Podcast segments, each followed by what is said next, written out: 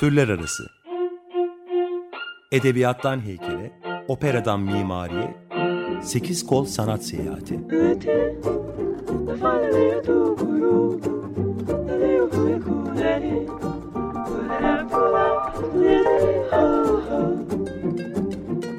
Hazırlayan ve sunan Eraslan Sağlam.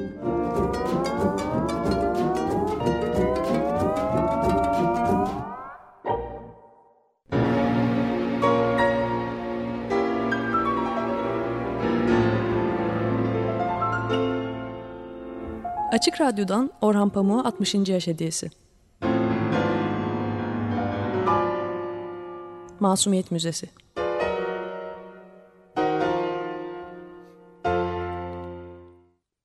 Bu benim onu son görüşüm. Sabah gerçeği gördüm. Gece gururum kırılmış, alay edilmiş, hatta küçümsenmiştim. Ayakta duramayacak kadar sarhoş olmakla benim de ev sahiplerine katılarak kendi kendimi aşağıladığım sonucunu da çıkardım. Kızlarına ne kadar aşık olduğumu bilmelerine rağmen, damatlarının çocuksu ve aptalca film hayallerini tatmin etmek için evlerine davet edilmeme göz yummalarından, Füsun'un annesi ve babasının da bu aşağılayıcı tutumu benimsedikleri sonucunu da çıkardım.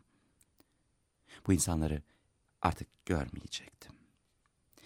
Ceketimin cebinde babamın bana verdiği inci küpeleri görünce sevindim. Füsun'un küpesinin tekini geri vermiş ama beni para için arayan bu insanlara babamın değerli küpelerini kaptırmamıştım. Bütün bir yıl acı çektikten sonra Füsun'u son kere görmem de iyi olmuştu. Ona duyduğum aşk, Füsun'un güzelliğinden ya da kişiliğinden değil, Sibel'le evliliğe bilinçaltımda duymuş olduğum tepkiden kaynaklanıyordu yalnızca. O güne kadar hiç Freud okumamış olmama rağmen, gazetelerde okuyup sağda solda işittiğim bilinçaltı kavramını, hayatımın o döneminde başıma gelenleri açıklayabilmek için pek çok kereler kullandığımı hatırlıyorum. Atalarımızın içlerine girerek istemedikleri şeyleri onlara yaptıran cinleri vardı. Benim de Füsun için bütün bu acıları bana çektirmekten başka kendime yakıştırmadığım utanç verici şeyleri de bana yaptıran bilinçaltım vardı. Ona kanmamalı, hayatımda yeni bir sayfa açmalı, Füsun'la ilgili her şeyi unutmalıydım. Bu amaçla ilk olarak bana yolladığı davet mektubunu ceketimin göğüs cebinden çıkarıp zarfıyla birlikte küçük parçalara ayırarak yırttım. Ertesi sabah öğleye kadar yatakta yattım ve bilinçaltımın beni sürüklediği bu saplantıdan artık uzak durmaya karar verdim. Acımı ve aşağılanmamı yeni bir kelimeyle açıklamak, onunla savaşmak için bana yeni bir güç veriyordu. Akşamdan kalma olduğumu, yataktan bile çıkmak istemediğimi gören annem, öğle yemeği için Fatma Hanım'ı Pangaltı'ya yollayıp karides aldırmış ve benim sevdiğim gibi güveçte sarımsaklı karidesle bol limonlu, zeytinyağlı enginar yaptırmıştı.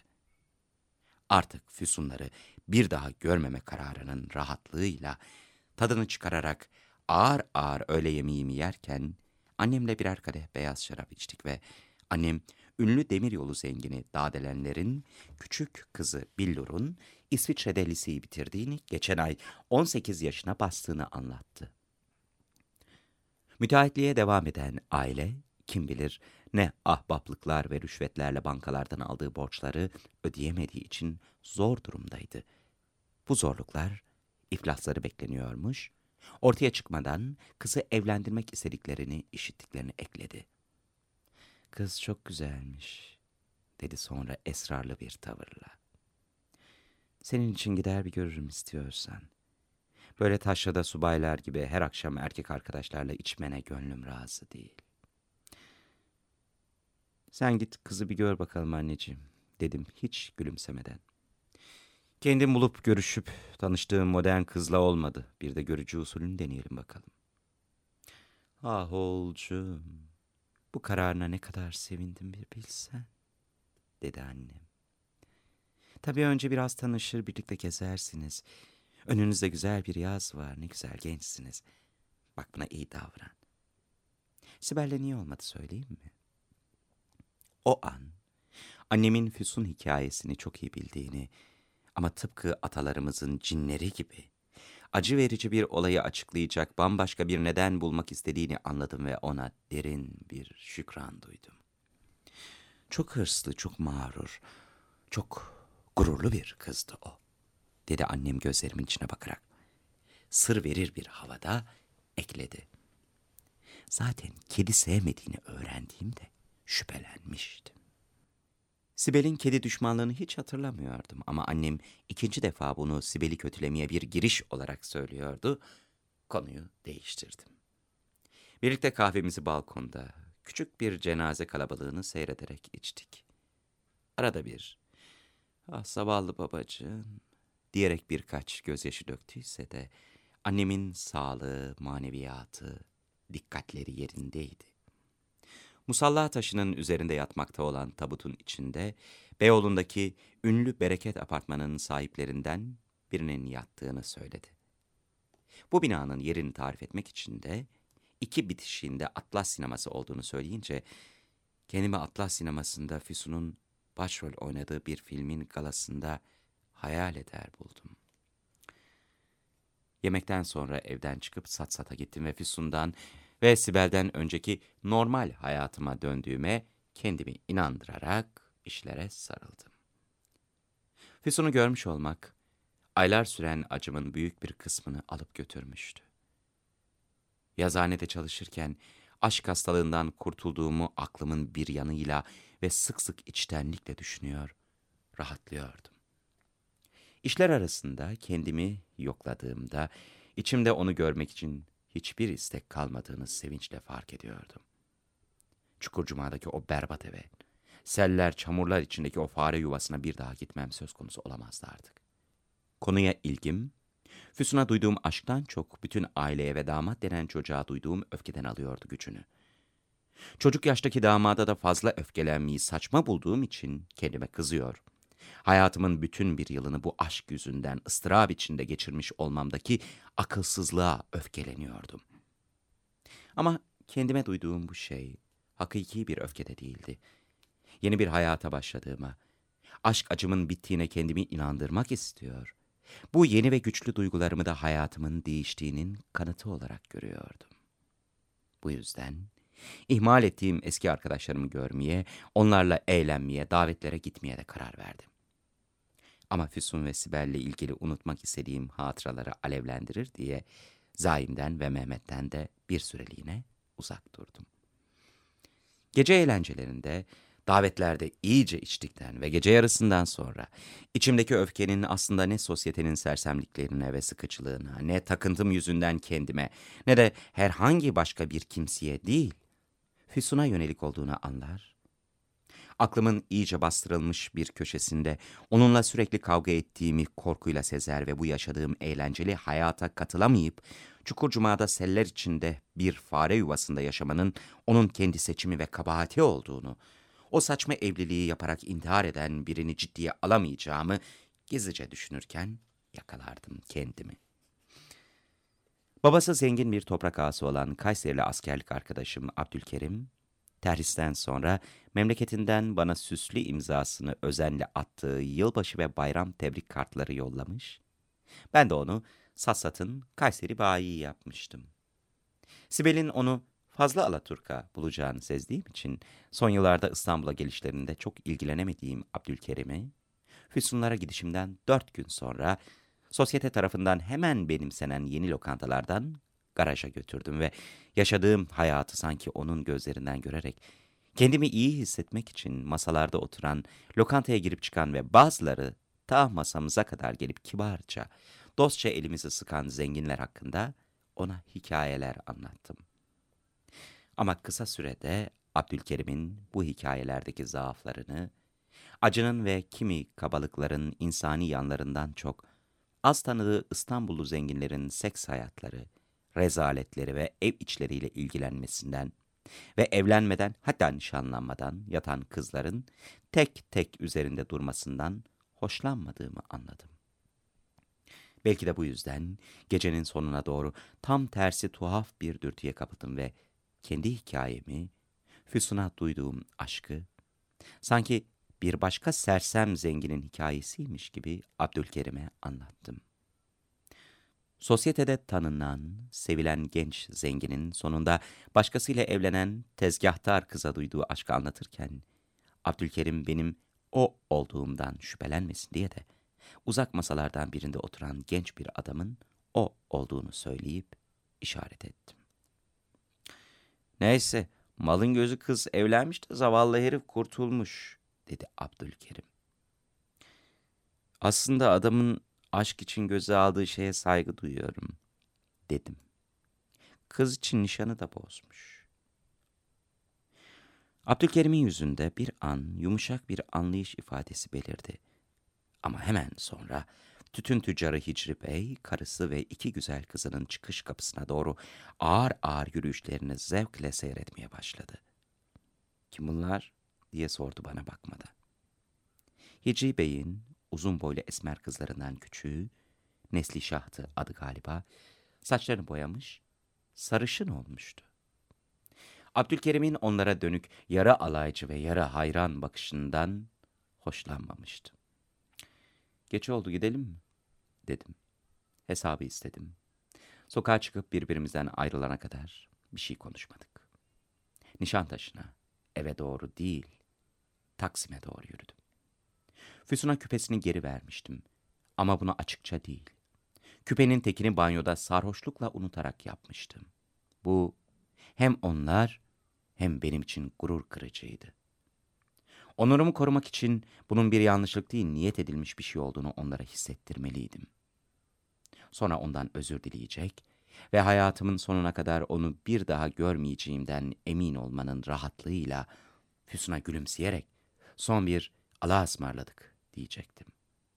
Füsun, ben kapıdan tam çıkacakken, bunun beni son görüş olduğunu anlayacağı için telaşlanacaktı belki.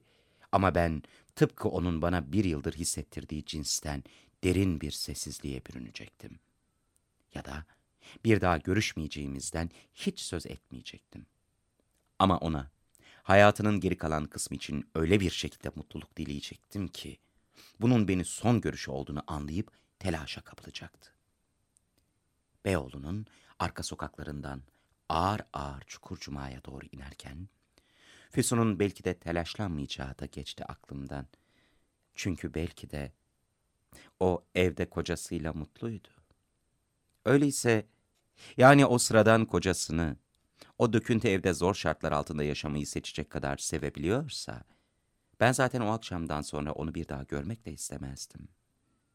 Dar sokaklarda, çarpık çurpuk kaldırımlar ve basamaklar üzerinden yürürken, pencerelerin iyi çekilmemiş perdeleri arasından televizyonlarını kapatıp yatmaya hazırlanan aileleri, uyumadan önce karşılıklı son bir sigara içen yoksul ve yaşlı karı kocaları görüyor ve bahar akşamında soluk sokak lambalarının ışığında bu sessiz ve ücra mahallelerde yaşayan insanların mutlu olduğuna inanıyordum. Kapının zilini çaldım. İkinci katın cumbasının penceresi açıldı. Füsun'un babası, kim o? diye seslendi karanlığa. Benim. Kim? Kaçmayı aklımdan geçirip orada dikiliyordum ki annesi kapıyı açtı. Nesibe hala akşam bu saatinde rahatsız etmek hiç istemezdim. Ha, hayırdır Kemal Bey buyurun içeri. İlk gelişimde de olduğu gibi o önde ben arkada merdivenleri çıkarken utanıp sıkılma dedim kendi kendime. Bu Füsun'u son görüşün. Bundan sonra bir daha aşağılanmayacağıma karar vermenin rahatlığıyla içeri girdim. Ama onu görür görmez kalbim beni utandıracak kadar hızlı atmaya başladı. Babasıyla televizyonun karşısına oturmuşlardı. Beni görünce ikisi de şaşkınlık ve mahcubiyetle ayağa kalktılar ama dertli halimi, ağzımdan gelen içki kokusunu fark edip özür dilermiş gibi davrandılar. Şimdi hatırlamaktan hiç hoşlanmadığım ilk üç beş dakikada geçerken uğradığımı, rahatsız ettiğim için çok özür dilediğimi, aklıma bir şeyin takıldığını, onu konuşmak istediğimi zorlanarak söyledim. Kocasının evde olmadığını, Feridun filmci arkadaşlarına gitti, öğrendim. Ama konuyu açamadım bir türlü. Annesi çay hazırlamak için mutfağa gitti. Babası bir bahane söylemeden kalkınca Yalnız kaldık. Çok özür dilerim dedim ikimiz de televizyona bakarken. Kötü niyetten değil o gün sarhoşluktan küpeni diş fırçalarının durduğu yere bırakmışım. Oysa sana doğru dürüst verebilmek isterdim. Diş fırçalarının orada benim küpem yoktu. Dedi kaşlarını çatarak. Durumu anlamaya çalışan bakışlarla birbirimize bakarken, babası içeriden benim için özel olduğunu söyleyerek kase içinde meyveli irmik helvası getirdi. İlk lokmayı yutup helvayı uzun uzun övdüm. Bir an gece yarısı sanki buraya bu helva için gelmişim gibi hepimiz sustuk. O zaman küpelerin bahane olduğunu, oraya tabii ki Füsun'u görmeye geldiğimi sarhoş halimle bile anladım. Şimdi de Füsun küpeleri görmediğini söyleyerek bana eziyet ediyordu. O sessizlik sırasında Füsun'u görememe acısının, onu görmek için katlandığım bu utançtan çok daha kahredici olduğunu hemen hatırlattım kendime. Onu görememe acısını bir daha çekmemek için çok daha utanç verici durumlara katlanmaya razı olduğumu da artık biliyordum. Ama utanca karşı daha savunmasızdım. Aşağılanma korkusuyla Füsun'u görememe acısı arasında ne yapacağımı bilemedim ve ayağa kalktım. Karşımda eski dost Kanarya'yı gördüm. Kafese doğru bir adım attım. Kuşla göz göze geldik. Benimle birlikte Füsun ve annesi babası da galiba gittiğim için rahatlayarak ayağa kalkmışlardı. Buraya bir daha gelsem de artık evlenmiş olan ve benimle param için ilgilenen Füsun'u ikna edemeyeceğimi açıklıkla kavradım. Bu benim onu son görüşüm dedim kendi kendime. Bir daha oraya adım atmayacaktım. Tam o sıra kapının zili çaldı. O sahneyi yani ben Kanarya ile bakışırken ve Füsun, annesi ve babası arkadan bize bakarken zil çalınca hep birlikte kapıya döndüğümüz anı gösterir bu yağlı boya resmi. Olaylardan yıllar sonra ben sipariş ettim. Resim o anda tuhaf bir şekilde özdeşleştiğim Kanarya Limon'un bakış açısından yapıldığı için hiçbirimizin yüzü gözükmüyor. Hayatımın aşkının sırttan görünüşünü tam hatırladığım gibi nakşederek, her görüşümde gözlerimi nemlendiren bu resmi yapan ressamın, yarı açık perdeler arasından gözüken geceyi, karanlık Çukurcuma mahallesini ve odanın içini, kelimesi kelimesine benim ona anlattığım gibi resmettiğini gururla söyleyeyim. Tam o sırada, Füsun'un babası, Cumba'nın penceresinden cephedeki aynaya bir bakış atmış ve kapıyı çalanın komşu çocuklarından biri olduğunu ilan edip sokak kapısını açmaya aşağı inmişti. Bir sessizlik başladı. Kapıya yürüdüm. Pardösümü giyerken sessizce önüme bakıyordum. Kapıyı açtım ve o anda bunun bir yıldır kendimden de gizli düşünüp hazırlandığım intikam sahnesi olabileceği hayaline kapıldım Allah'a ısmarladık dedim. Kemal Bey dedi Nesibe hala. Geçerken kapımızı çaldığınız için ne kadar sevindik anlatamayız. Füsun'a bir göz attı. Bakmayın siz onun surat asmasına, babasından korkuyor. Yoksa sizi gördüğü için o da en az bizim kadar sevindi. Aman anne lütfen, dedi güzelim. Esmer olmasına zaten daha fazla dayanamazdım gibi bir sözle ayrılık törenine başlamak geçtiyse de aklımdan bu lafın doğru olmadığını, onun için dünyanın bütün acılarına katlanabileceğimi, bunun da beni bitireceğini biliyordum. Hayır, hayır ben Füsun'u çok iyi gördüm dedim ve dikkatle gözlerinin içine baktım. Senin ne kadar mutlu olduğunu görmek bana istediğim mutluluğu verdi zaten.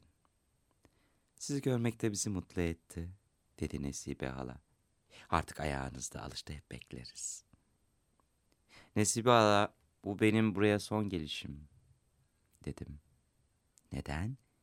Yeni mahallemizi sevmediniz mi? Artık sıra sizde, dedim şakacı, yapmacıklı bir havayla. Anneme söyleyeyim de sizi davet etsin. Onlara son bir kere dönüp bakmadan merdivenden inişimde umursamaz bir hava vardı. İyi akşamlar evladım, dedi kapıda karşılaştığım Tarık Bey usulca. Komşu çocuk, annem yolladı diye ona bir paket veriyordu. Dışarıdaki temiz hava yüzüme hoş bir serinlik verirken, Füsun'u hayatımın sonuna kadar artık bir daha görmeyeceğimi geçirdim aklımdan ve bir an önümde dertsiz, tasasız, mutlu bir hayat olduğuna inandım. Annemin benim için görmeye gideceği Dadelenlerin kızı Billur'un hoş olduğunu hayal ettim. Ama attığım her adımda Füsun'dan uzaklaştığımı, kalbimden bir parçanın koptuğunu hissediyordum. Çukur Cuma yokuşundan yukarı çıkarken, ruhumun arkada bıraktığı yere geri dönmek için kemiklerimin içinde çırpındığını hissediyor. Ama bu acıyı çekip bu işi bitireceğimi düşünüyordum. Çok yol almıştım.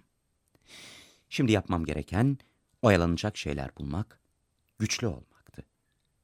Kapanmakta olan meyhanelerden birine girdim ve masmavi ve ağır sigara dumanı içinde bir dilim kavunla birlikte iki kadeh rakı içtim.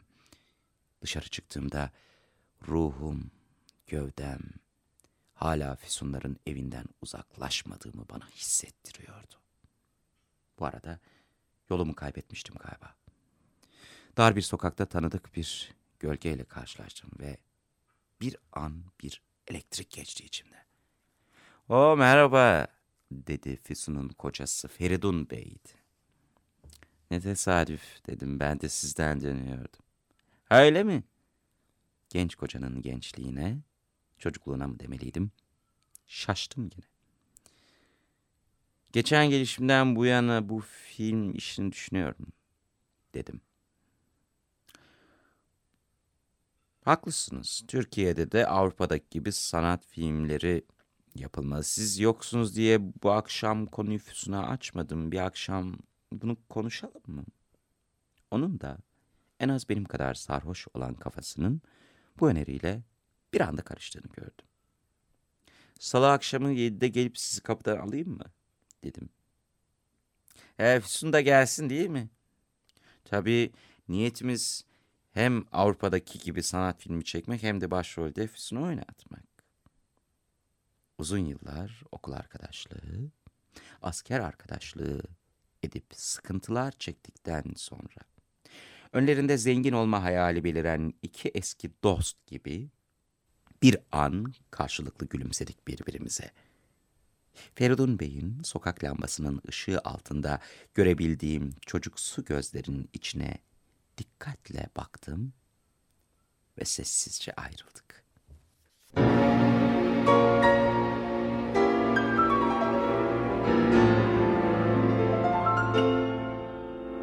Açık Radyo'dan Orhan Pamuk'a 60. yaş hediyesi. Masumiyet Müzesi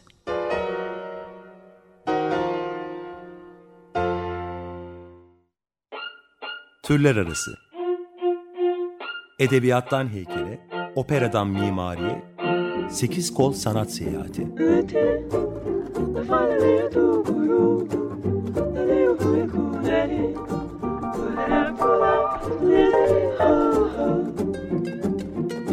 Hazırlayan ve sunan Eraslan Sağlam.